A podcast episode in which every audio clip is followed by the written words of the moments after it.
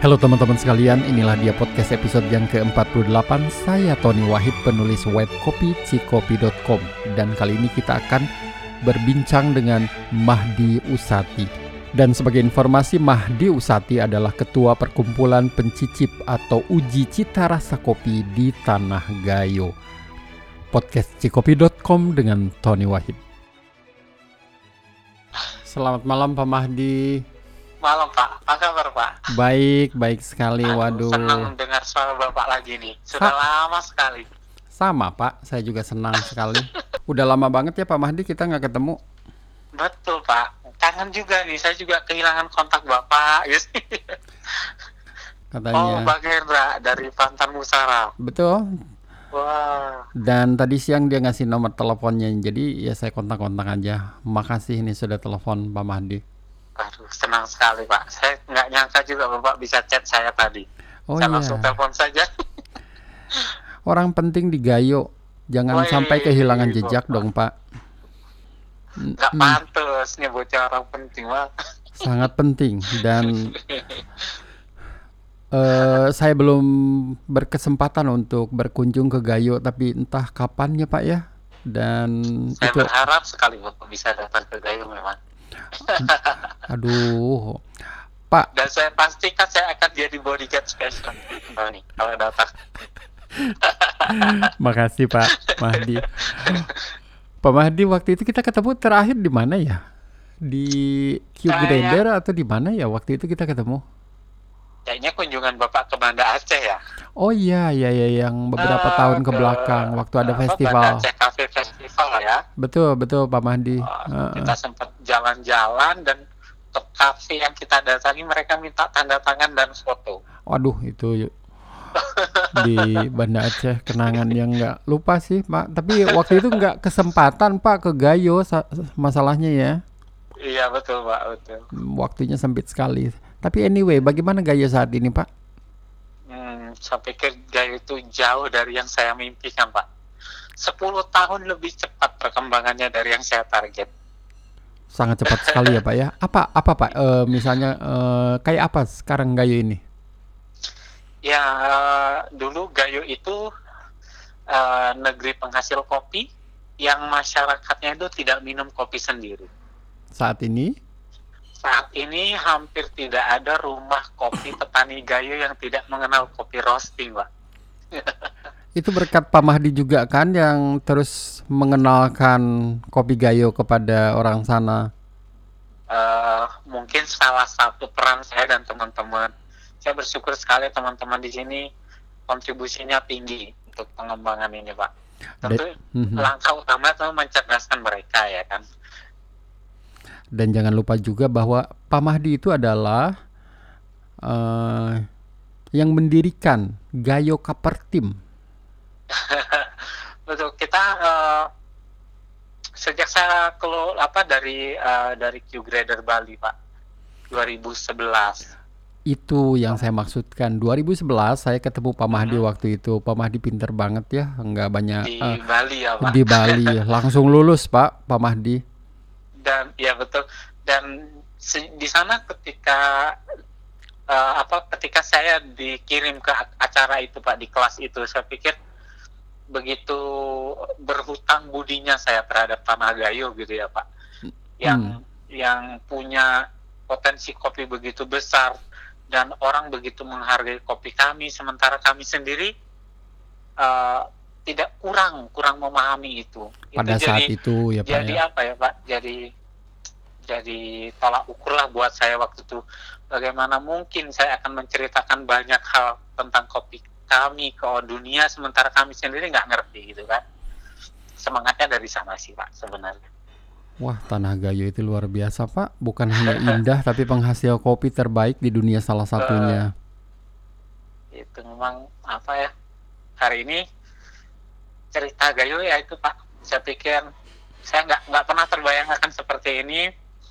Eh, kami seperti sekarang ini jualan air di pinggir sungai dan laku Pak. Laku ya, Pak ya. laku. Ini betul bukan bukan sesuatu yang yang apa yang lazim sebenarnya Pak ya. Tapi kita bisa kerjasama dengan baik dari petani semua stakeholder kopinya hari ini. Uh, ya kami lebih baik Pak. Jauh dari yang saya harapkan kemajuannya. Alhamdulillah Pak kalau begitu. Betul. Senang sekali dengarnya. Tapi uh, Pak buat teman-teman kalau saya mau menceritakan tentang Gayo, ya Pak. Kita mulai saja dengan cuaca. Suhunya berapa Pak di Gayo ini? Ya, Gayo itu mungkin suhu terendahnya itu uh, 13 derajat Pak. Dan suhu tertingginya itu mungkin 25 saat itu ini 25 udah ekstrim. Oh, udah ekstrim itu udah panas ya, udah Pak ya? Ekstrim. Iya, betul. Kalau sekarang berapa nih, Pak, suhunya? Siang dan malam? Uh, ya, kalau siang hari kebetulan sekarang ini udah masuk penghujan ya, Pak ya. Mm -hmm. Jadi kalau pagi itu bisa 13, mungkin di siang hari sekitar 21. Enak sekali, Pak, tinggal di sana dengan cuaca yang begitu menyenangkan. Beda uh, dengan saya. Cukup dingin pak cukup sejuk untuk dinikmati sambil ngopi yang pasti nyaman sekali lah pak Alhamdulillah pak pengen banget ya beda ya, pak saya dengan berharap hmm. bapak bisa ngopi di di di kampungnya kopi itu Insya Allah suatu saat kan kita nanti akan ke iya, sana. Iya, betul betul. Betul pak. Saya nunggu itu momen itu pak. Dan kita akan abadikan momen itu bersama-sama dengan teman-teman di sana. Dengan senang hati. Saya akan atur semuanya. Makasih Pak. Pak Mahdi, sekaliannya ya, kita rekam ya Pak ya ini untuk podcast nih Pak. Oh, silakan Pak kalau berguna. Pak Mahdi boleh diceritakan bagaimana uh, kondisi kebun kopi di sana masing-masing keluarga misalnya rata-rata punya berapa luasnya kemudian total luas yang digayu ini berapa ratus ribu hektar nih Pak ini kan salah satu yang paling gede ya di Indonesia Pak betul Pak betul bahkan klaimnya mungkin terluas di Asia saat ini ya Pak. Terluas di Asia malah. Wow Asia. keren banget Pak. Wow. Ya. jadi gimana tuh Pak? Luas per keluarga rata-rata mereka punya berapa banyak? Ya jadi dataran tinggi Gayo itu uh, dibagi di tiga kabupaten Pak. Mm -hmm. yang pertama ada Kabupaten Aceh Tengah kemudian Kabupaten Benar Meriah dan Kabupaten Gayo Luas Oh. Ya, jadi dari tiga daerah ini kurang lebih luasan perkebunan kopi arabica saat ini sekitar 126 ribu hektar, Pak. Eh, rata-rata uh, per kepala keluarganya itu sekitar 1,5 hektar. Satu setengah ya, Pak ya? Iya betul, satu setengah hektar. Wow, gede banget Pak. Waduh, dan ini tadi yang tadi Pak Mahdi katakan adalah perkebunan kopi yang paling luas se-Asia dalam satu wilayah ada di Gayo Betul. Indonesia. Dan kalau kita lihat data uh, apa uh, di perkebunan kopi arabica di Indonesia, 40% perkebunan kopi arabica itu kan ada di dataran tinggi Gayo, Pak. 40% ya, Pak ya? 40 persennya, ya. Jadi besar. Gede banget. Hanya Pak. saja kan selama ini ini tidak diketahui karena brand komersil Arabica Indonesia itu lebih dikenal sebagai uh, Mandeling Sumatera ya Pak. Nah itu gimana sih Pak ceritanya uh, bisa namanya mencelok ke Mandeling atau Sumatera? Sebenarnya itu kita balik ke abad 16 ya Pak, abadnya VOC.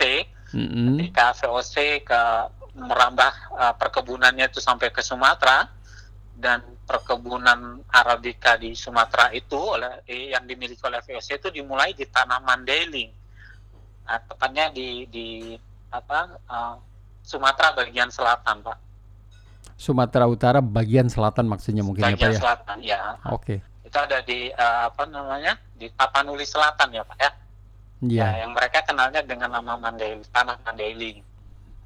Dimulai di sana. Dan, ya, dan ekspor uh, perdana kopi Sumatera itu di pelabuhan uh, di tanah Mandailing itu di Sibolga.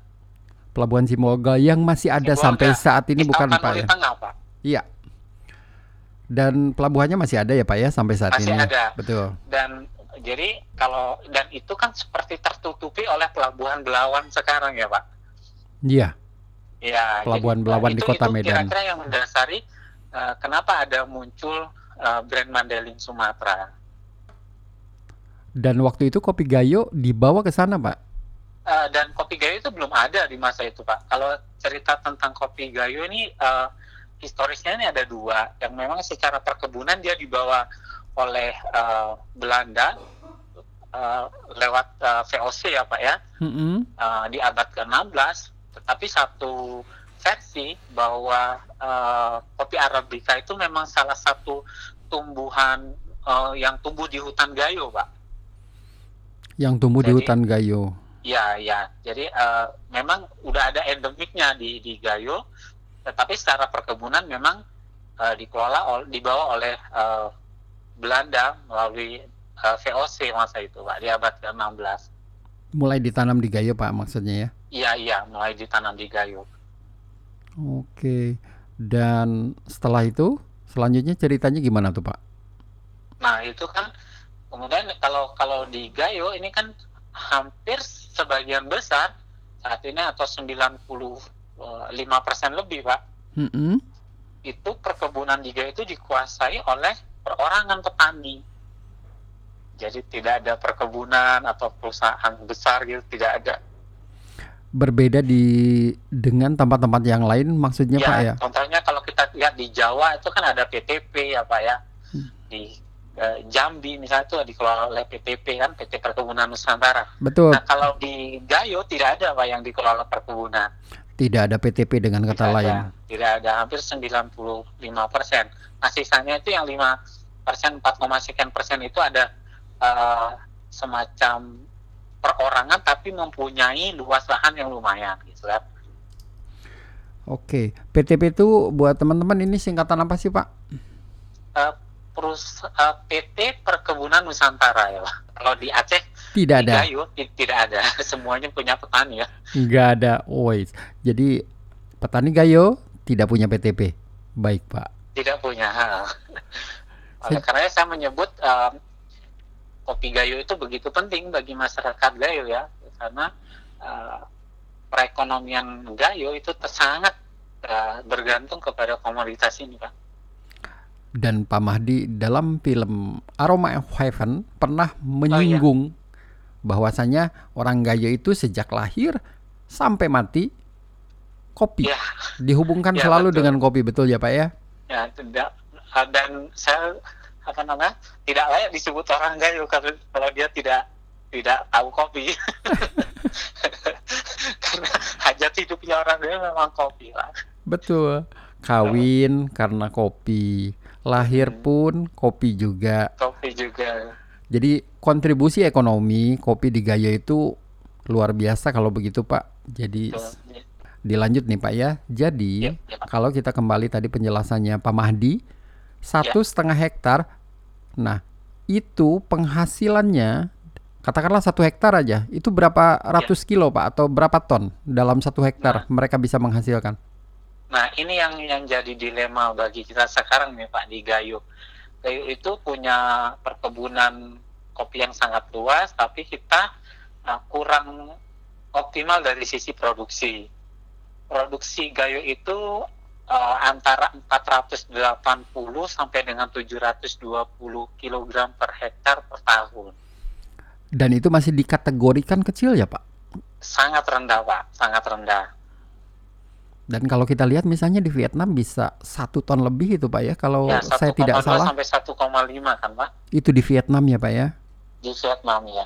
Jadi di Gayo masih sangat kecil yieldnya atau hasil Betul. per Karena kalau hektar. kita lihat uh, uh, rata-rata perkebunan kopi di dunia di negara-negara penghasil kopi, Gayo ini adalah uh, perkebunan kopi dengan produktivitas terendah. Nah, apa penyebabnya itu Pak? Kok bisa? Masalahnya ada beberapa Pak. Di antaranya adalah pola budidaya di Gayo itu yang cenderung uh, apa budidaya alami atau sehingga sangat mungkin di Gayo itu kan uh, mendapatkan sertifikat organik untuk kafe organik. Jadi hampir sebagian besar sekarang wilayah perkebunan kopi di Gayo itu bersertifikat organik. Pak. Kalau yang disebut dengan alami, dengan kata lain tidak menggunakan pestisida dan Iya, iya, zat-zat kimia lainnya sehingga mudah mendapatkan sertifikat organik maksudnya gitu mungkin ya Organik. Pak ya. iya. Oke. Itu satu. Mhm. Yang kedua topografi alam Gayo, Pak. Topografi alam Gayo itu eh, tidak seragam, Pak. Iya. Ya tidak seragam dia ketinggiannya antara uh, yang ditanami kopi arabica itu dari 900 sampai dengan 1700. Yang paling tinggi dan, 1700 ya Pak? Iya. Dan uh, dari setiap ketinggian itu memungkinkan sekali bahwa iklimnya akan berbeda. Gitu. Jadi kalau kita lihat topografi alamnya itu terdiri dari perbukitan, gunung sampai dengan lembah-lembah gitu ya. Dan mayoritas Pak di antara ketinggian itu 900 ya. sampai dengan 1700 ke, pada ketinggian mana mayoritas kopi gayo ditanam? Uh, di semua tempat itu ada Pak, di semua tempat dari 900 sampai dengan 1700 itu adalah wilayah yang ditumbuhi oleh kopi arabica. Iya, jadi kalau kita kalau datang ke Gayo Pak, semua hamparan hampir sebagian besarnya itu adalah uh, gunung kopi atau lembah kopi. Semuanya Pak ya, kopi, tidak ya, ada betul, hamparannya. Okay. Tumbuhan lain selain kopi misalnya palawija atau apa? Ya, uh, ada beberapa lahan-lahan yang ditanami palawija juga, uh, tapi itu populasinya sedikit sekali. Jadi bisa dikatakan hampir 100% tanah Gayo ditanamin kopi. Ya, ya terlepas dari hutan lindung dan pemukiman tentunya ya Pak ya. Betul. ya. Kalau perkebunannya itu uh, sebagian besar adalah perkebunan kopi. Oh. Nah, dari dari ketinggian itu sangat uh, mungkin bahwa iklimnya akan berbeda, Pak oleh karena itu itu salah satu penyebab produktivitas kita ikut rendah. Yang ketiga mungkin uh, ragam varietas, Pak. Varietas atau varietas. ya gimana tuh, Pak? Ya. Nah, kopi gayo, kopi arabica gayo itu uh, hampir tidak ada satu kebun, hampir tidak ada satu kebun yang ditanami oleh satu varietas. Jadi dalam satu kebun atau dalam satu hektar Macam-macam maksudnya gitu ya Pak? Macam-macam ya, minimal tiga varietas Pak di dalam. Ya itu. Mm -hmm. Misalnya ada uh, Ateng Super, kita nyebutnya di sini Ateng Super. Mm -hmm. Ada uh, Tim Tim atau Gayo Satu. Kemudian ada Bourbon. Dan tiga itu yang paling banyak ditanam saat ini ya, di Gayo? tiga itu paling banyak yang ditanam di Gayo. Kemudian jenis varietas lain ada tipika, uh, absenia, itu uh, banyak bermacam varietas tuh di sini termasuk lini S, uh, produk puslit, kartika satu dua sangat banyak. Sangat banyak. Kalau dijumlahkan sangat ada ber ada berapa belas atau puluh varietas Pak yang ditanam di sana? Teridentifikasi setidaknya sejauh ini ada sekitar 73 jenis varietas puluhan ya Pak ya, bukannya belasan iya, lagi. Hampir seluruh koleksi kopi dunia itu ada di. Pak, dengan penanaman varietas yang berbeda-beda, apa ya. sisi positif dan negatifnya Pak? Sisi positifnya kopi gayo menjadi unik Pak. Mm -hmm. Jadi mendapatkan karakter rasa yang bermacam. Hampir semua karakter kopi dunia itu ada di gayo. Jadi rasa. kopi rasa kopi gayo itu menjadi unik eh, yaitu eh, hampir semua karakter kopi dunia itu bisa ditemuin di Gayo. Seperti misalnya kopi apa saja nih Pak? Ya, misalnya Absenia. Absenia itu kalau mungkin uh, asalnya tuh dari Ethiopia ya Pak. Iya. Dari Afrika. Dan di Gayo itu bisa ditemukan dengan rasa help, dengan spicy yang bagus itu bisa ditemukan di sini dengan acidity rendah gitu dan itu bibitnya berasal dari Ethiopia. Ya, menurut sejarahnya itu dibawa oleh uh, VOC dari Afrika Ethiopia sana Afrika, ditanamkanlah ya. di Gayo dan ya. rasanya yang tadi sudah disebutkan ya testing notes-nya. Iya. Nah, negatifnya tentu kopi Gayo ini menjadi kopi yang sangat sulit untuk konsisten dari sisi kualitas fisik dan cita rasa dengan demikian kalau sulit konsisten eh sulit konsisten sisi negatifnya apa tuh Pak dalam berhadapan dengan buyer atau apa? Ya tentu kita akan gampang dapat klaim bahwa uh, buyer itu sulit mendapatkan uh, kopi yang diinginkan dengan kualitas sama seperti pada saat awal. Gitu. Jadi bisa nano-nano nih. Bisa. Oleh karenanya itu peran cover di itu sangat dituntut Pak. Jadi gayo apa uh, peran kaper itu uh, di Gayo itu punya tantangan lebih saya pikir. itu menjaga konsistensi kualitas kopi Arabica Gayo. Nah, kemudian uh, yang lain ya Pak, faktor yang lain lagi yang menyebabkan uh, produktivitas rendah kita adalah budidaya yang tidak maksimal, Pak. Budidaya yang tidak maksimal. Tidak maksimal itu di salah satu penyebabnya adalah bahwa luas kebun yang dimiliki oleh petani. Jadi uh, luas kebun itu tidak berbanding lurus dengan kemampuan uh, pengelolaannya yang baik. Pasca panen ini kita bicara ya Pak ya?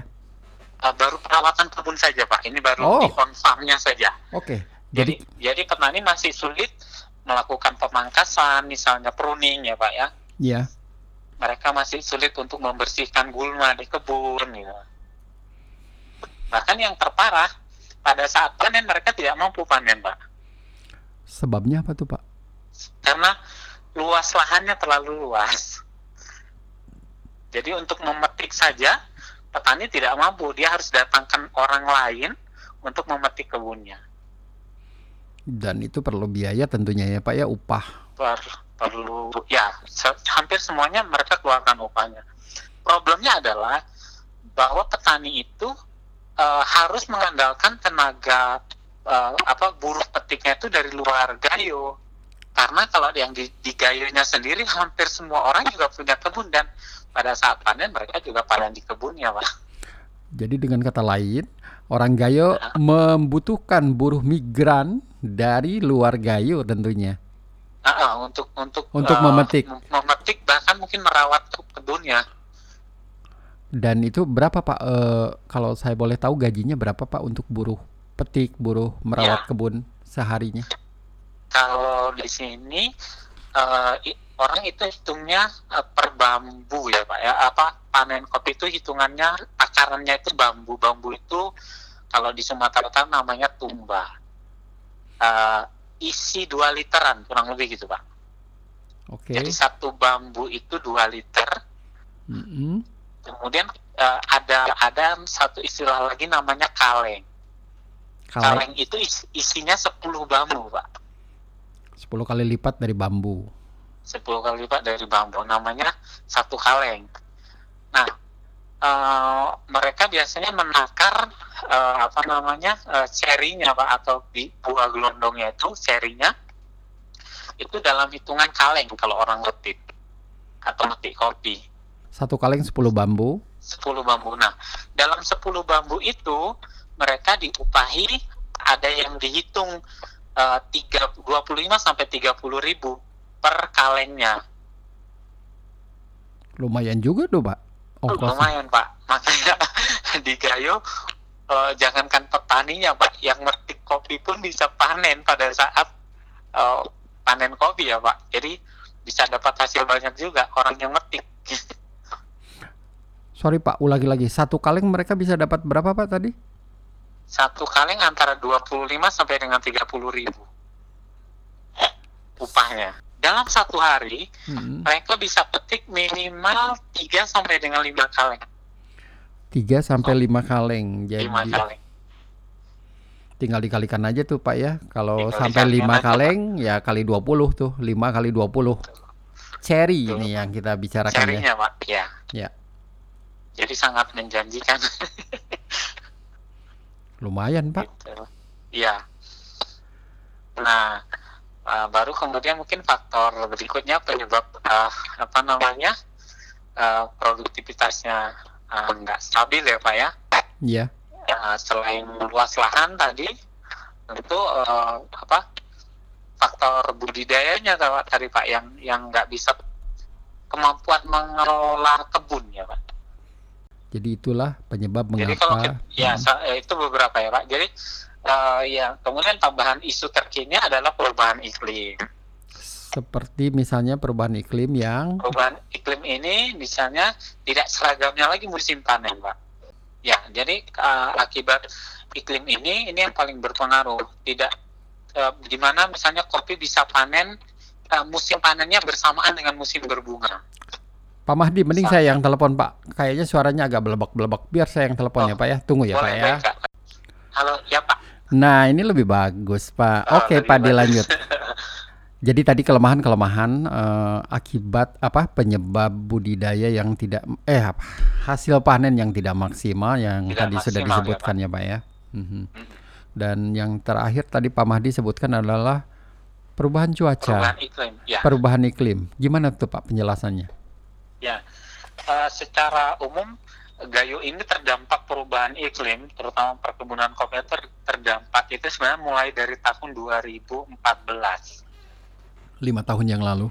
lima tahun yang lalu eh, di mana petani sangat merasakan dampak daripada eh, perubahan iklim itu pak misalnya eh, tentang tidak seragamnya lagi musim panen Oke.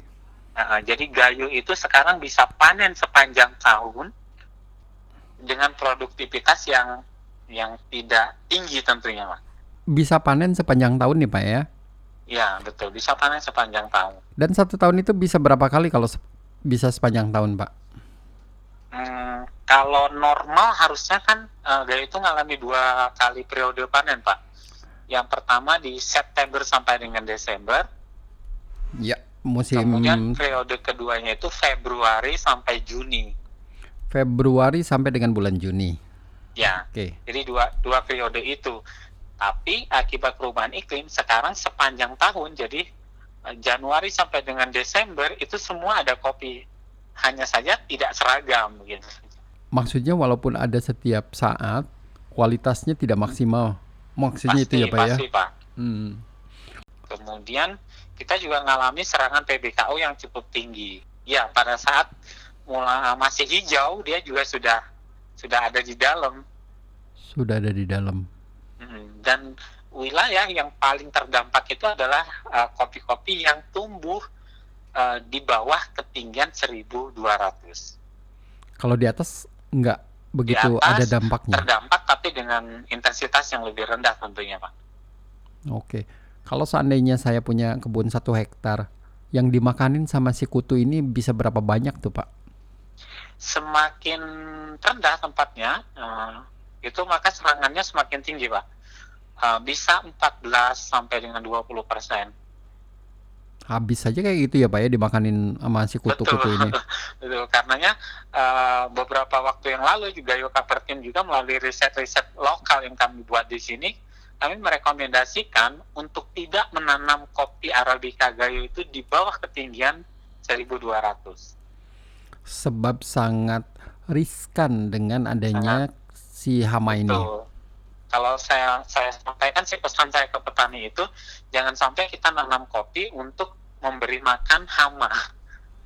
Tapi Jadi kalau saya bilang hamanya yang gemuk pak petaninya kurus gitu nggak dapat hasil. tapi masalahnya kalau petaninya punya lahan yang di situ gimana dong Pak? kita alihkan mereka untuk pilih opsi lain, komoditas lain. Misalnya kalau harus nanam kopi, maka kopinya adalah kopi robusta, bukan arabica. Dan varian kopi robusta maksudnya lebih tahan dengan hama ya, kutu. eh, robusta lebih lebih baik ya eh, tumbuh di situ, Pak, di ketinggian itu. Jadi dia lebih rentan terhadap serangan hama dan penyakit, eh, bisa produktivitas lebih baik, kualitas juga lebih baik semuanya. Dan advice atau saran itu banyak dilaksanakan oleh para petani. Sejauh ini banyak, Pak, karena mereka merasakan dampak langsung. Tapi dari, dari sisi uh, perubahan iklim itu. Oke. Dari aspek ekonomi, Pak, bukankah harga robusta tentunya nggak lebih tinggi dibanding dengan arabica, Pak? Jadi untuk buat para petani dari sisi ekonominya bagaimana nih, Pak? Betul. Dari sisi harganya memang arabica dengan robusta uh, jauh lebih tinggi arabica, Pak. Tapi pada saat kopi arabica mereka terserang hama uh, mencapai sampai dengan 14-20 persen itu itu sudah lebih tinggi nilai ekonominya nanam robusta dibandingkan arabica. Oh, gitu ya, Pak ya. karena harga kopi di wilayah mereka itu akan lebih rendah dibandingkan kopi yang arabica di wilayah yang lain karena tingkat eh, apa namanya kadar eh, biji cacatnya jauh lebih tinggi dan itu akan menyebabkan harganya jauh lebih rendah Bisa berapa, Pak, kalau misalnya harga selisihnya bisa 4.000 pak minimal 2.000 untuk yang kena hama itu, Pak ya? kena hama. Kalau robusta Nah. berapa pak? Kalau robusta gayo sekarang eh, harganya itu antara 32 sampai 35 ribu per kilogram. Arabica Kalau dibandingkan dengan Arabica sekarang sekitar 65 ribu, hampir dua kali lipat ya pak. hampir dua kali lipat. Nah, di ketinggian tersebut, eh, kopi Arabica juga produktivitasnya tidak lebih tinggi dibandingkan dengan daerah yang direkomendasi. Masih sama pak produktivitasnya ya? Eh, produktivitas juga lebih rendah, tingkat serangan hama dan penyakitnya juga lebih tinggi gitu Pak, kalau dia tumbuh di bawah 1200. Yang di atasnya bagaimana pak? Yang di atas 1200. Yang di atasnya eh, normal Pak, itu bisa yaitu normalnya itu antara eh, 480 sampai dengan 720 eh, kilogram per hektar per tahun. Oke. Tapi itu ra- angka rata-rata ya Pak. Walaupun kita tahu bahwa ada beberapa petani yang melakukan pola budidaya maksimal dengan luasan lahan hanya setengah hektar saja, dia bisa mencapai 800 bahkan satu ton per setengah hektar Produktivitasnya. produktivitasnya. Ya, di sana menjadi tolak ukur kita bahwa sebenarnya salah satu penyebab uh, rendahnya produktivitas kita karena luasan lahan. Jadi ketidakmampuan mengelola uh, kebun dengan baik. Oke. Pak, ini ada pertanyaan menarik ini Iya, sebetulnya. Pak. Buat saya sebagai orang yang tidak pernah tahu menau tentang cara bertanam kopi. Iya, Pak. Boleh dijelaskan nggak Pak secara singkat? Katakanlah saya punya tanah satu hektar dari awal penanaman, pembibitan hingga selesai prosesnya kayak gimana tuh Pak? Yang pertama kita harus cek dulu ketinggian, Pak. Oke, Ketinggian itu. Nah, kalau sekarang hampir sebenarnya hampir seluruh uh, wilayah di Indonesia bahkan dunia itu terdampak perubahan iklim. Jadi yang harus kita lihat untuk mau aman nanam kopi, usahakan lahan yang harus kita tanam itu ketinggiannya itu di atas 1.200 meter dari permukaan laut. Nomor satu. itu satu.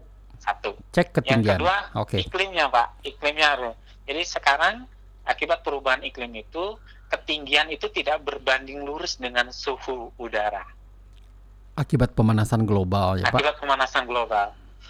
Oke, jadi yang kedua kita harus lihat bahwa suhu udaranya itu eh, anta- minimal itu sekitar 13 derajat, maksimalnya 26 derajat Celcius. Masih potensial untuk ditanami Arabica. Setelah suhu apalagi tuh Pak? Faktor apa? Ketinggian. Kelembabannya tidak lebih dari 65%, Pak. Kelembabannya ya.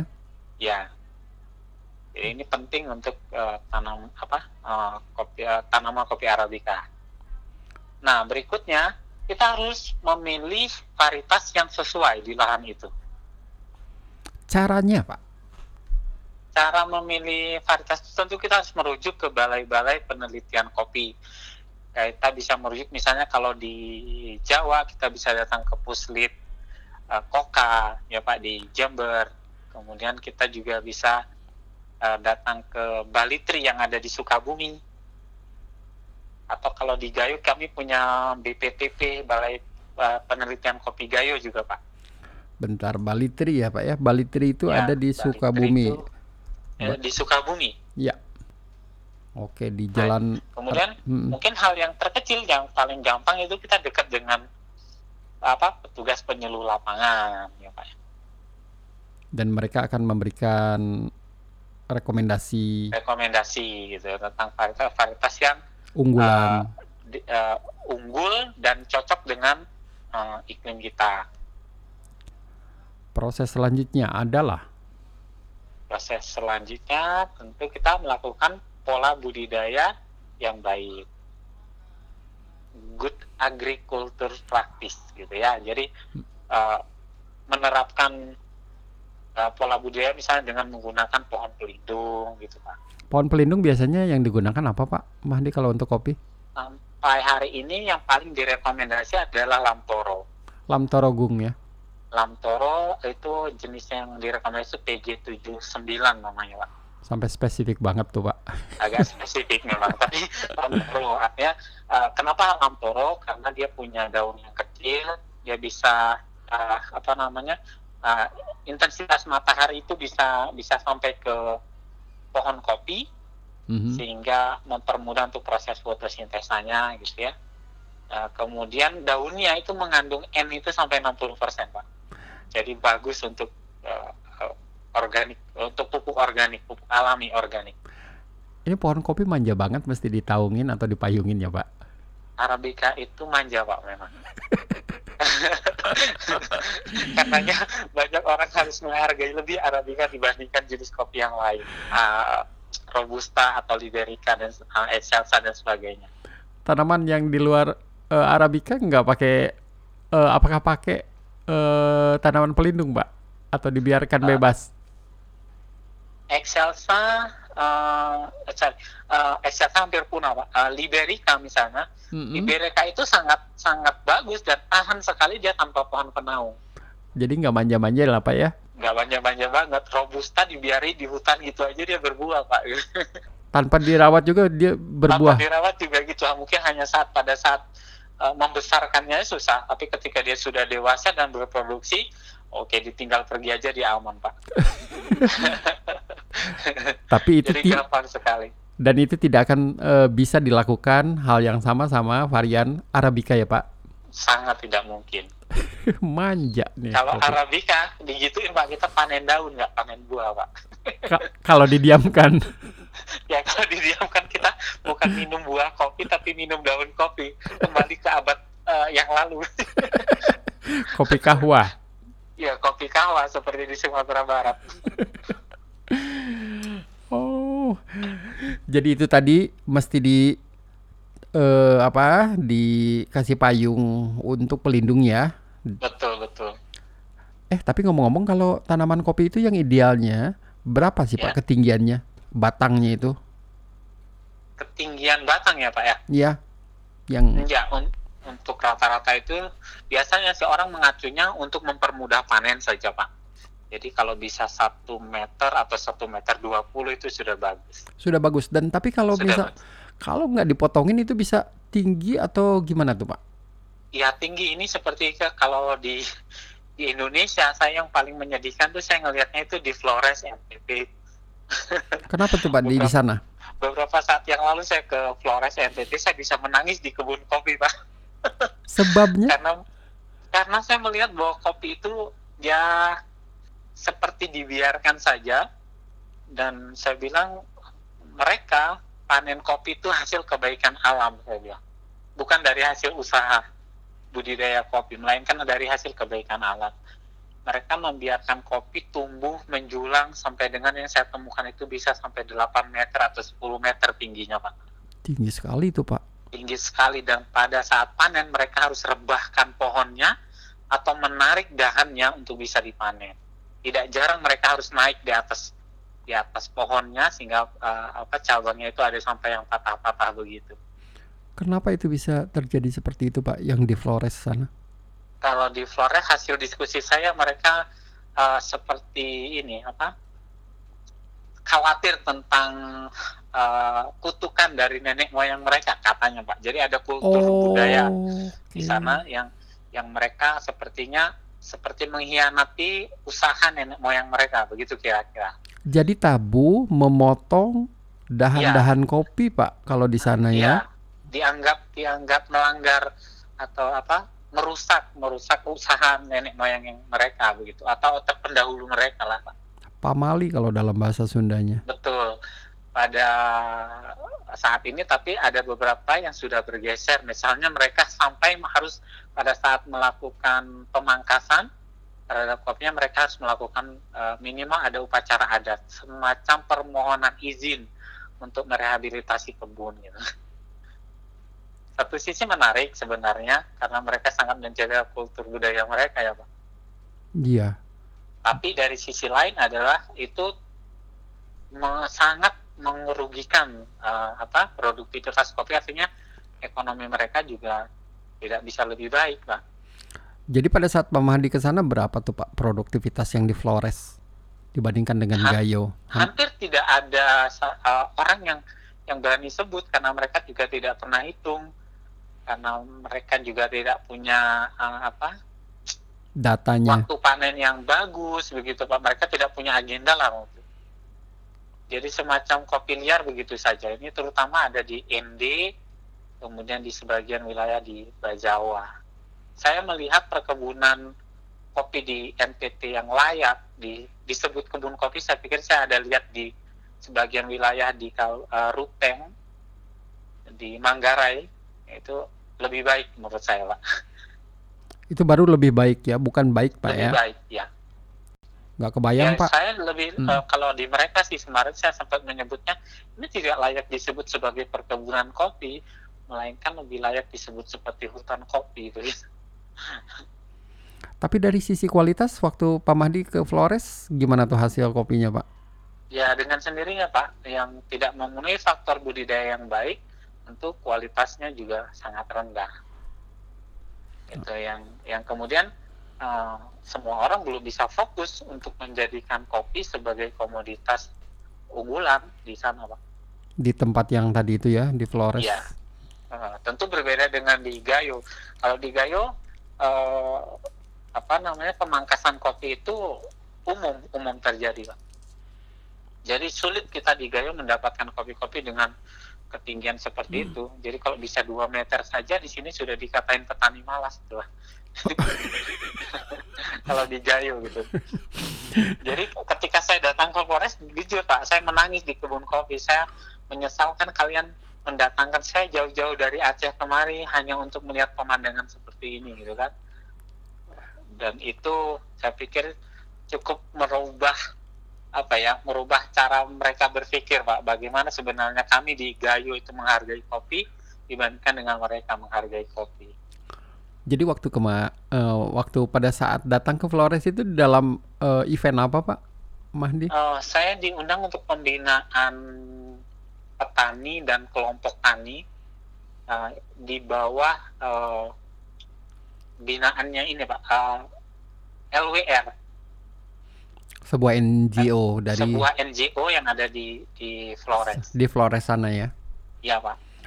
Saya mungkin bisa membayangkan kekagetan Pak Mahdi pada saat melihat situasi perkebunan kopi yang sungguh di luar dugaan tentunya Pak Mahdi. Tentu Pak, tentu. Dan saya di di Gayo itu berkali-kali menikmati kopi Flores. Kemudian uh, begitu banyak orang Pak mengagungkan kopi Flores dan ketika saya datang ke sana itu berbanding terbalik dengan apa yang yang informasi yang saya dapatkan dengan apa namanya dengan kopi yang yang saya dapatkan itu sehingga kemudian saya meyakini bahwa kopi yang sampai di saya itu bukan merupakan kopi Flores original. Pertanyaannya kopi dari mana tuh Pak? Ya, semua bisa terjadi di tangan seorang trader Pak. Boleh dijelaskan lebih lanjut hal itu bisa terjadi? Kayaknya gimana uh, Pak trik-triknya untuk itu? Ya, uh, saya pikir bukan rahasia umum ya Pak Silakan Namanya pedagang kopi selalu membuat bermacam cara gitu. Yang penting untung karena orientasinya pasti untung, Pak. Jadi bisa saja misalnya uh, metodenya apa saja, Pak? Di metodenya pasti bisa dari pencampuran. Karena saya tahu kopi Flores mahal. Mm -hmm. Dan sekarang saya meyakini bahwa mahalnya Flores itu bukan karena Flores enak, Pak. Tapi? Tapi karena susahnya mendapatkan kopi Flores yang tadi Pak Madi ceritakan ya, ya bagaimana dari sisi volumenya saya tidak percaya volume Flores bisa banyak uh, dari sisi pasca panennya mereka butuhkan biaya lebih untuk mengolah kopinya menjadi lebih baik Pak. Bagaimana bisa mereka, panennya? Ya, karena air saja mereka susah. Bagaimana mungkin mereka bisa mengolah kopi dengan proses full wash dry hulling? Seperti yang diklaim oleh Seperti para diklaim, pedagang. Ya full wash lagi full wash lagi padahal mereka susah air gitu bahkan saya menemukan ada satu kelompok tani untuk mencuci air dia uh, mencuci kopinya dia harus beli air pakai tangki dan itu mahal tentunya Pak. Mahdi ya Tentu mahal. Jadi namanya itu itu itu beberapa yang saya temukan. Misalnya hal yang lain yang saya bandingkan. Mereka menyebut kopi mereka full wash uh, dry hulling. Tapi begitu saya lihat, oh, yang terjadi itu itu tidak lebih bagus daripada semi wash wet hullingnya Gayo. Buat para pendengar podcast boleh dijelaskan dulu Pak eh, proses tadi semi wet hulling, full wash ha- hulling. Ya. Nah, Kalau Pak. dia full wash wet hulling itu kita garis bawahi dulu full washnya pak, full penuh wash cuci. Artinya nyucinya itu benar-benar full gitu pak. Artinya kalau kita dapat kopi dengan nama full wash, berarti itu kopi yang dicuci dengan sangat bersih dan hasilnya pasti sangat clean gabahnya pak, parchment Oke, itu full wash. Selanjutnya. full wash. Sementara di Gayo kita mengenalnya ada istilah semi wash karena kami nyucinya sekedarnya saja, Pak. Maksudnya sekedarnya saja bisa dijelaskan lagi apa tuh Pak? Tidak tidak terlalu bersih, hanya cukup membuang musilisnya saja, lendirnya. Uh, kemudian kopi itu langsung kita bisa jemur. Jadi tidak menggunakan air yang lebih banyak daripada full wash. Cukup ya Pak ya. Lalu Ya. langsung dijemur. Langsung dijemur. Kalau di Gayo itu kan lebih familiar dengan wet hulling. Nah, Jadi pada saat parchmentnya itu kadar airnya antara 36 sampai dengan 40 persen, dia bisa di hulling karena di Gayo itu banyak uh, mesin-mesin dengan uh, proses giling basah, hulling itu adalah proses untuk pengupasan kulit tanduk. kulit tanduk yang warnanya Ya. seperti mungkin pistachio kali ya Pak ya. Ya ya, yang kayak pistachio itu pak ya. Ya, yang teman saya Nah, dulu itu. eh, kopinya belum dihaling dimasukkan ke mesin roasting ada sih Pak kejadian. belum di hulling, Dimasukkan ke roasting. itu gimana lagi? Kebakar Pak. Jadi dikeluarin lagi. Intermezzo ya Pak ya. Itu Yang- kejadian yang nyata. apanya gitu pak? Kulitnya ikut ikut dong. Oh dia datang ke rumah saya. Oh ini kopinya bagus nih katanya. Oh clean banget. Ini kok kopi kayak pistachio. Lalu dia masukkan ke mesin roasting dan langsung ada percikan-percikan api Pak. Bentar juga. Ini pinteran orang Papua ini pak. Tapi mungkin mau dapat sensasi lain mungkin. kan melakukan sesuatu yang normal itu ya eh, wajar ya pak ya. Tapi ketika Hmm. dia buat sesuatu yang aneh mungkin dia pingin sesuatu ya kita tidak tahu lah. Itu kelucuan saja sih Pak. Silakan dilanjut Pak. ya ya. Nah gayo itu kan uniknya tuh di situ pak. Jadi di gayo itu ada proses giling basah. Giling basah. Giling basah. Jadi masih kadar air basah-basah kita bisa haling. Yang Nah, tadi disebutkan berapa kadar airnya Pak? 40 persenan? Sekitar 36 sampai dengan 40 persen. Dan kalau green bean yang ideal itu berapa tuh Pak? Kadar airnya 13-an persen? Kalau green bean itu kan eh, rekomendasi itu 12 setengah kalau sekarang ya Pak. 12 setengah ya Pak ya. Jadi ini ya, 12 setengah. jadi ini kopinya masih lembab banget nih, basah nih. Masih basah Pak, dia belum bentuk green tapi masih berwarna putih keabu-abuan. Dan Kalau di Gayo itu disebutnya kopi labu Pak namanya. kopi labu. Ya, kopi labu itu adalah biji yang dihasilkan dari giling basah. Kopi labu. Gayo menyebutnya karena warnanya abu-abu gitu Pak. Labu jadinya. Ah, jadi mereka dengan dialek Gayo sebenarnya namanya kan kelabu gitu ya. Kelabu gitu. Jadi orang Gayo lebih senang menyebutnya labu gitu. Disingkat. Ya, ah. sebenarnya kalau lihat da- kata dasar dari warnanya abu-abu gitu. Oke. gitu. Dan Dan dihaling itu harus dijemur lagi. setelah dihaling Setelah dihaling eh, biji labunya tadi itu Pak harus dijemur sampai dengan kadar air antara 12 sampai dengan 15 persen. dan penjemuran itu tentu kembali tergantung dengan cuaca ya Pak. cuaca ya normal harusnya itu bisa kalau cuacanya normal pak itu antara eh, apa eh, dua hari sampai dengan tiga hari Udah mencapai kadar air yang 12 sampai 13. Eh, ya 12 sampai 15 persen itu Udah. itu kita sebutnya dengan nama kopi asalan Kopi asalan. ya Itu sudah siap dijual, Pak? belum pak Oh, Jadi belum. kopi Oke. asalan itu adalah kopi yang baru siap dijemur saja Oke. ya jadi dulu ada persepsi negatif tentang kopi asalan tuh kesannya tuh kopi asal-asalan gitu ya pak kopi dengan kualitas rendah gitu ya Tapi sebetulnya adalah sebetulnya adalah kopi, eh, pengertian kopi asalan itu adalah kopi yang belum mengalami proses grading.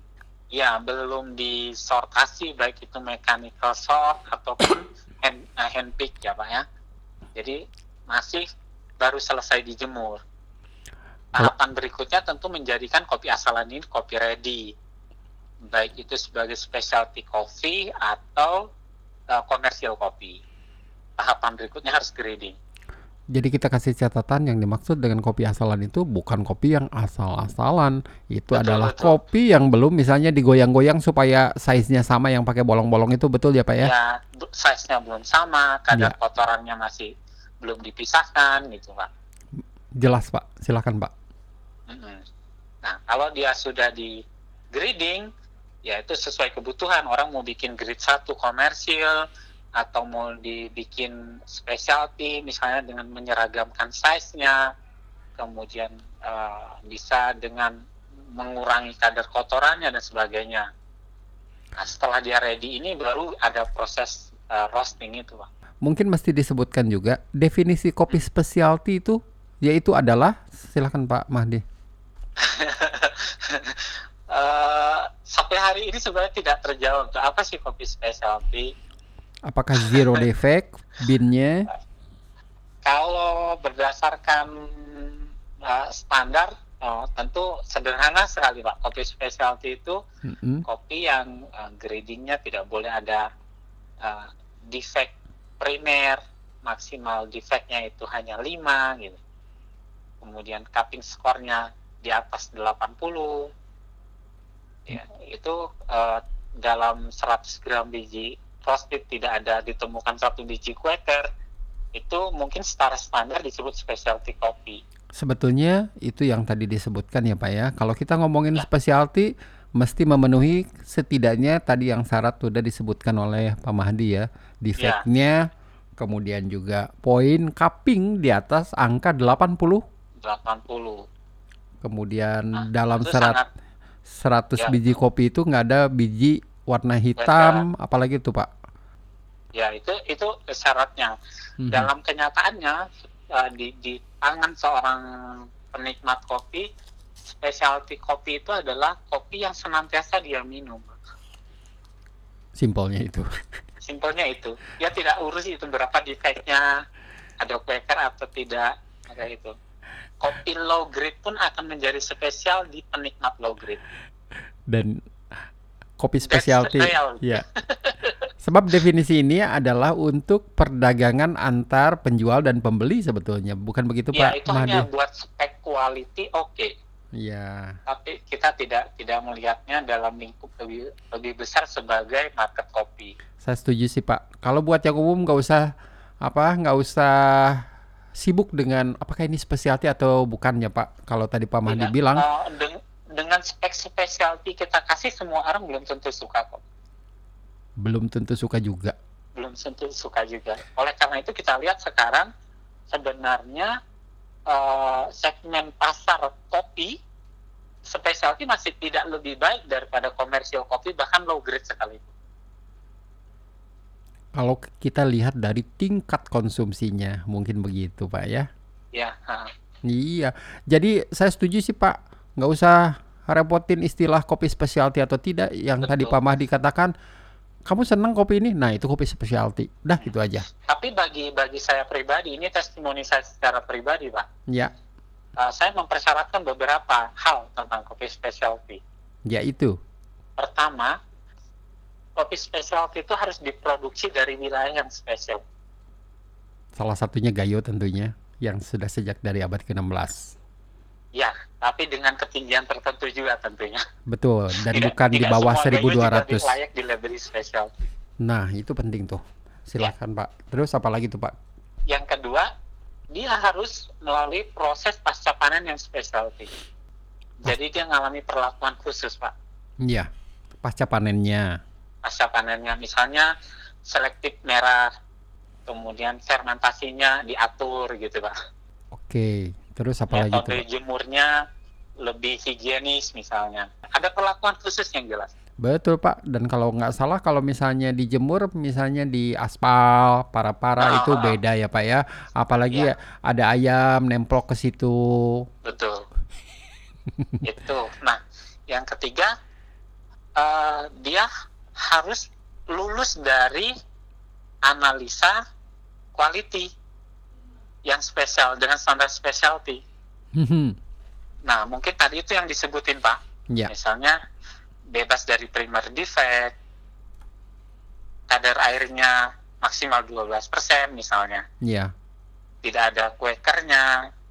Ya seperti itu, kurang lebih. Nah, itu kan itu prasyarat dari Pak Mahdi, seorang yang sangat paham tentang kopi. Buat teman-teman yang cuman minum saja, tadi Pak Mahdi Ah. katakan yang dimaksud dengan kopi spesial adalah Kopi yang ketika dia minum dia mau lagi dan lagi. itu saja ya Pak ya, udah cukup. Itu saja. Nah, yang keempat Pak, Ya. tentu kopi ini harus dipasarkan di market spesial di milih tempat lah. Dan yang kelima, dia harus dibeli oleh orang yang specialty juga, Pak. Waduh, banyak banget nih Pak syaratnya ya. Orangnya Iya. juga harus spesial. Ya, karena tidak ada kopi bagus di tangan orang yang tidak mengerti kopi. Mhm, mhm.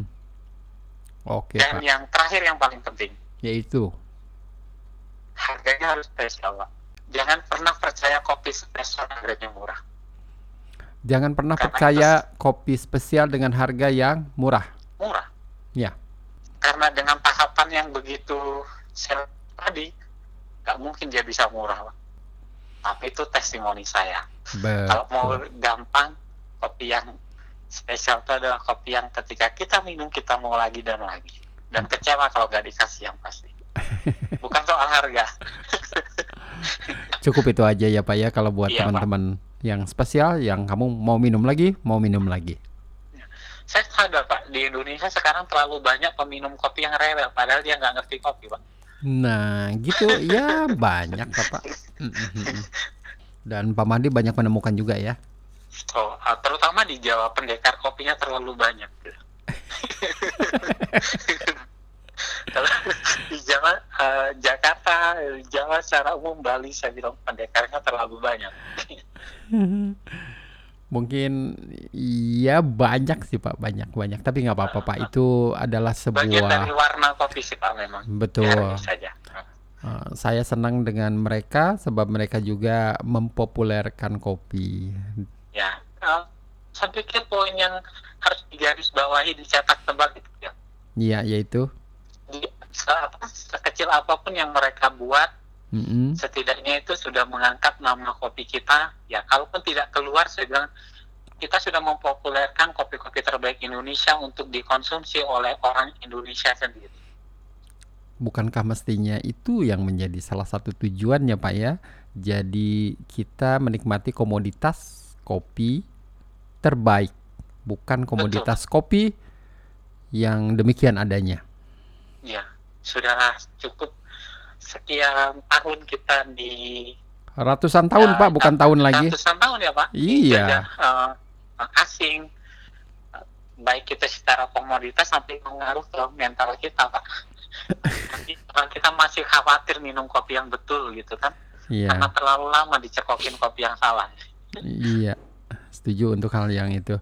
Nah Ya. Pak, tapi Pak dengan eh, lahan yang tadi ratusan ribu hektar itu, berapa persen yang diangkut keluar, dijual keluar Pak di Gayo itu? Luar biasa Pak hari ini eh, 85% kopi gayo itu masih memenuhi kuota ekspor dalam bentuk green bean.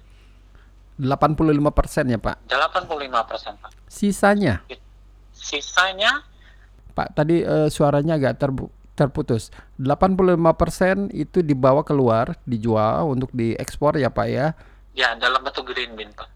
Kemudian sisanya 15 persen dikonsumsi oleh 14 persen mungkin ya 14 persen itu itu dipasarkan di di lokal lah di Indonesia 14 itu persen ke dipasarkan di 14. Indonesia. Oke, ya hanya mungkin hanya satu persen saja untuk konsumsi lokal satu persen saja ya Pak ya. ya ah, kurang lebih satu persen saja untuk lokal apakah jumlah yang dari tahun ke tahun untuk konsumsi lokal saat ini kan katakanlah yang tadi Pak Mahdi sebutkan adalah 14 persen. Tahun-tahun sebelumnya itu apakah jumlahnya ini ada tendensi naik atau bagaimana nih Pak? Wah, hari ini yang membuat saya bangga dengan Gayo Pak kami sekarang sudah minum kopi sendiri Oh gitu ya. Ya karena uh, saya mulai dari saya menyebutnya itu tahun 2009 itu adalah tahun kebangkitan kopi gayo. Tahun berapa Pak? Sorry. Tahun 2009 Pak. Tahun 2009. Iya. 10 tahun yang lalu. Adalah, ya, saya menyebutnya sebagai tahun kebangkitan kopi gayo karena pada saat itulah mereka kami masyarakat Gayo, petani kopi Gayo itu kami sadar bahwa kualitas kopi kami itu bagus, dan kopi kami itu menjadi komoditas yang dikonsumsi dunia. Sebuah kebanggaan buat teman-teman di Gayo sana. Jadi betul pak. Uh, satu dan, dekade yang membanggakan. Ya sebelumnya kita minum kopi, uh, kopi saset paling banyak. Kemudian robusta low grade yang dicampur dengan beras, jagung dan sebagainya. Oke. Okay. Okay. Dan uh, tahun 2009 untuk memperkenalkan kopi arabica itu di kampungnya Pak di negeri sendiri itu adalah satu tantangan tersendiri buat saya dan teman-teman Gayo Kapertim terutama. Sorry, Gaya Gayo Kapertim itu didirikan tahun berapa Pak? Gayo Kapertim secara resmi kelembagaan itu didirikan tahun 2011 Pak. Tahun 2011 tapi sebelumnya ya, udah ada ya Pak tapi ya. Tapi kami dengan teman-teman itu sudah uh, berkarir di kopi menjadi seorang analis kopi itu tahun 1995. Oh jauh banget itu Pak, lama banget kalau gitu. Makanya waktu itu kalau Bapak ketemu saya di Bali ketika saya ikut di kelas Q grader itu bukan menjadi satu masalah buat saya karena sebelumnya memang kerjaan saya sudah itu Pak. Sudah itu ya Pak ya, sudah ya. bagian testing kopi, cicip-cicip kopi. Pak, yang tadi disebutkan tantangannya itu susah banget sebab mereka yang tadi Pak Madi bilang minumnya masih misalnya kopi-kopi yang lain ya Pak ya. Nah, nah uh, berapa lama itu Pak uh, sehingga mereka masyarakat di sana bisa akhirnya menikmati kopinya sendiri? Tidak lama Pak, mungkin itu yang saya sebut sebenarnya ini 10 tahun lebih cepat dari yang saya target melihat Gayo saat ini ya Pak ya. Uh, tahun uh, 2009 itu saya masih dapat uh, apa namanya uh, mulai bisa mendekatkan diri ke masyarakat untuk memperkenalkan rasa kopi walaupun tantangannya mereka menolak bahwa ini adalah kopi enak karena versi mereka arabica itu asam bikin sakit lambung masuk angin dan sebagainya. Jadi mereka nggak suka. Mereka lebih senang kopi yang disangrai uh, secara tradisional menggunakan tungku uh, hitam tidak asam dan dicampur dengan beras, dicampur dengan jagung seperti itu, dicampur jahe gitu. Dikasih gula juga. Dikasih gula yang pasti gitu. Hmm. Dan uh, saya juga ngalamin di, di pada saat saya menjadi analis di salah satu uh, perusahaan ekspor kopi itu bahwa kerjaan cupping saya itu itu ditentang oleh banyak orang dan kita dimusuhin dengan bermacam teror mulai dari diri sampai keluarga sebenarnya. Sampai segitunya Pak? Sampai segitunya, karena keberadaan Kaper uh, seorang analis kopi itu buat para pebisnis kopi itu menjadi masalah. Sebuah ancaman mereka, Pak ya? Sebuah ancaman ya Pak, karena kami bisa menggagalkan kontainer kopi mereka, kami bisa menggagalkan transaksi kopi yang mereka yang tadinya mereka sudah hitung-hitungan untungnya banyak tapi malah tidak jadi dibeli misalnya hmm. itu menjadi masalah dan dan Qatar di Gayo itu menjadi musuh masa itu Pak. Pada saat itu? Pada saat itu dan itu juga yang melatar belakangnya kemudian kita membentuk Gayo Qatar tim tahun 2011 ternyata bersama itu lebih kuat dibandingkan sendiri. Sampai Karena pada saat kita hmm. bersuara sendiri itu ternyata kita berteriak keras juga ternyata banyak kuping orang yang sakit ya Pak. Nah Pak, kalau hmm. kalau setelah rame-rame eh bisik-bisik pun ternyata terdengar gitu. Diperhitungkan ya. Pak yang tadi dibilang nah. bisa menggagalkan sebuah ekspor sampai ya. satu kontainer. Uh, apa yang bagaimana prosesnya? Hari hmm. ini hmm.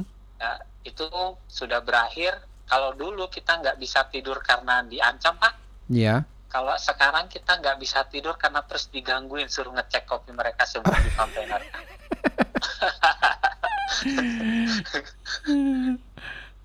Anggotanya berapa Pak sekarang ini? Ya, Gayo Cafe Team sebenarnya sudah sampai 15 orang. Mm -hmm. yang menjadi panel tetap, tapi sekarang yang aktif sekitar 10 orang. Dan itu menjadi penjaga kualitas di kopi di Gayo, Pak. Kurang lebih begitu. Dan untuk membackup kita semua, sekarang kita punya kelas setiap tahun, Pak. Kita bikin namanya Gayo Cupping Class.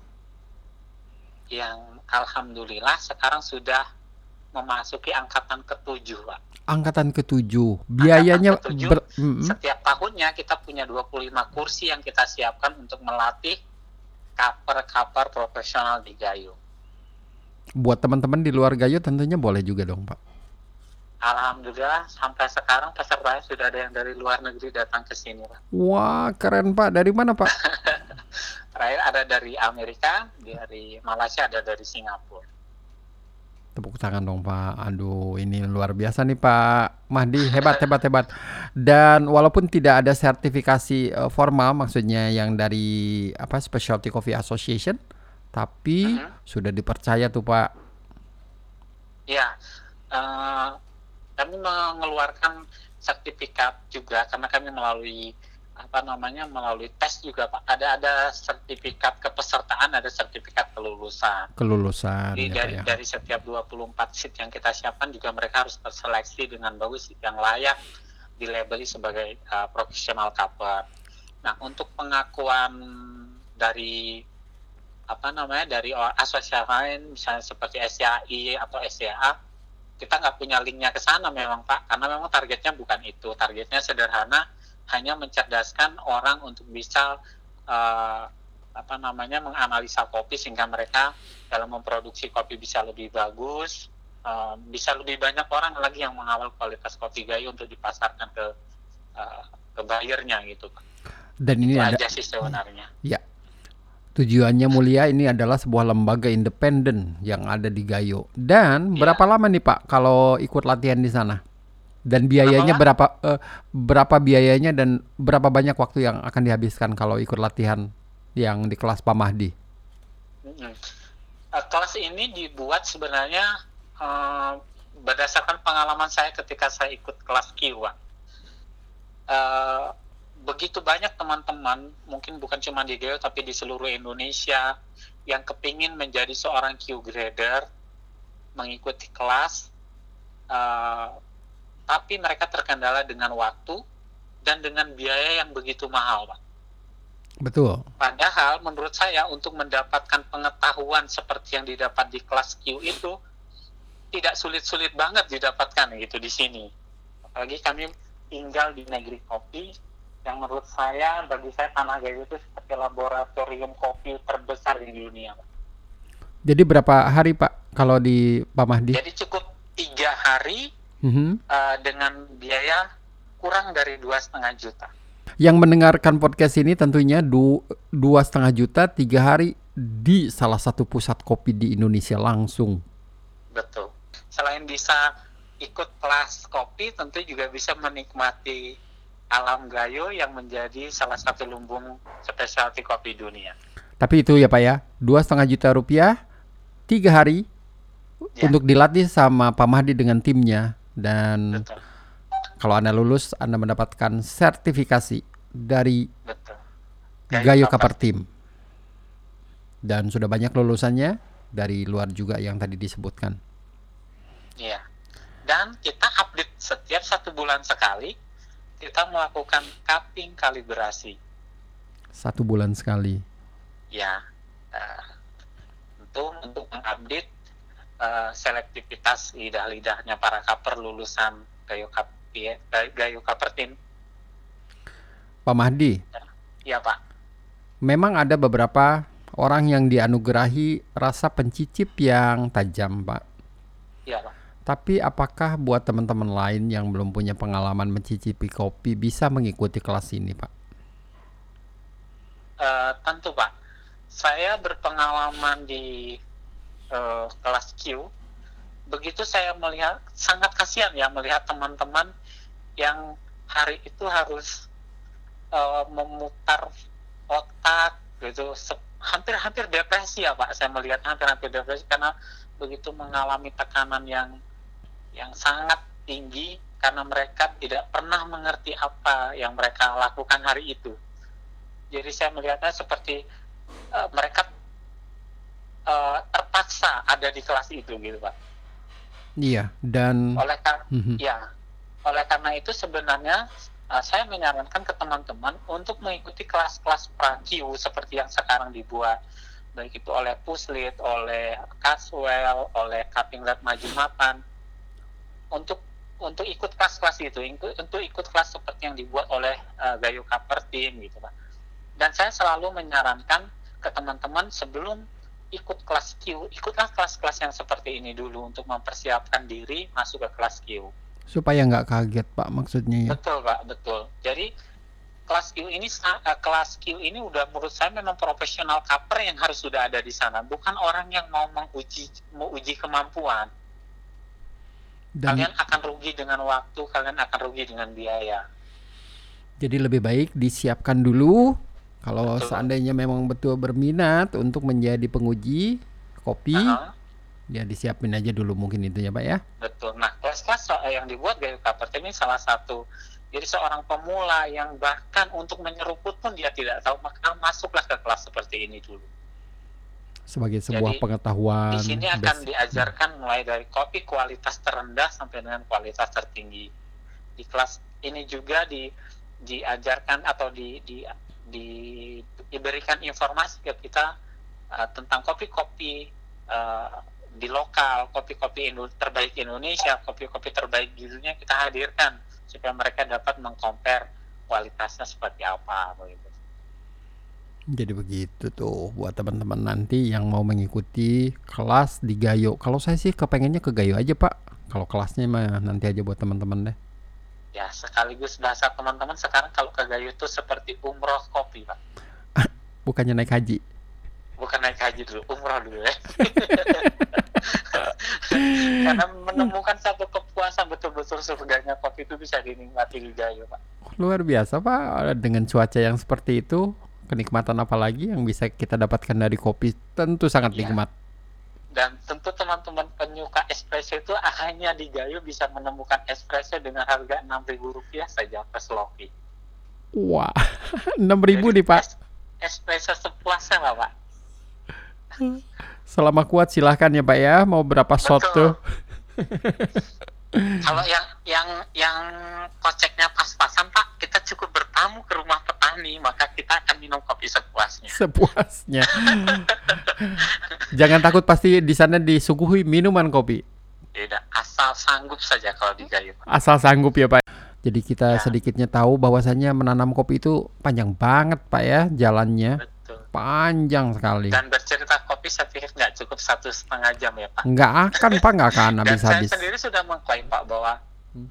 sisa umur saya itu tidak akan cukup untuk bisa memahami kopi. Jadi belajar dan belajar itu menjadi satu ke uh, keharusan. dan Pak Mahdi sungguh saya sangat beruntung bisa ketemu Pak Mahdi waktu itu di Banda Aceh. Ya, Kemudian hmm. saya menyaksikan Pak Mahdi lulus di Bali saat mengikuti ya. ujian di tahun 2011 menjadi seorang Q grader, Pak. Iya, Pak. Dan sekarang ini Pak Mandi mengembangkan terus para kaper-kaper khususnya di Gayo dan negara lain juga. Ya, saya berharap semua memberikan hal yang terbaik untuk perkembangan kopi Gayo dan kopi Indonesia pastinya, Pak. Amin. Dan nah, karena saya mimpi besar saya adalah bagaimana semua kita itu oh, menjadi marketing menjadi uh, promotor untuk komoditas terbaik kita. Jangan sampai ini orang asing yang membanggakan kopi kita dan kita kembali ke kopi-kopi uh, rendah padahal kopi terbaik itu ada di tangan kita. Rugi banget sih Pak itu kalau gitu ya sangat Pak. Rugi, sangat rugi Pak. Dan itu saya sangat tidak inginkan karena semua sekarang harus kerja keras untuk mempertahankan itu bahkan membuat semuanya jadi lebih baik. Amin. Semoga nanti kita bisa terus lebih baik ke depannya. Iya Pak, siap. Pak Madi, semoga suatu saat kita bisa bertemu kembali dan terima kasih ini podcast dadakan seperti biasa dengan terima Pak Madi. Pak, dengan senang hati hari ini sudah bisa mendengar suara Bapak. Ya Allah. Dan saya juga sangat berharap bisa ketemu Bapak lah di lain waktu, terutama berharap di sana. sih, Pak. Di sana Pak, tentu. Insya Allah. Iya Pak. Pak Mahdi silakan istirahat, maaf mengganggu nih. Telepon-telepon jam terima malam. Terima kasih Pak. Mari Pak. Salam buat teman-teman kopi di Jakarta, Pak. Sama juga salam buat teman-teman di sana. Baik, terima kasih, Pak. Iya. Teman-teman sekalian, itu tadi podcast episode yang ke-48 dan jangan lupa untuk selalu menantikan episode-episode selanjutnya di layanan atau streaming musik iTunes maupun Spotify. Salam dan tetap kopi.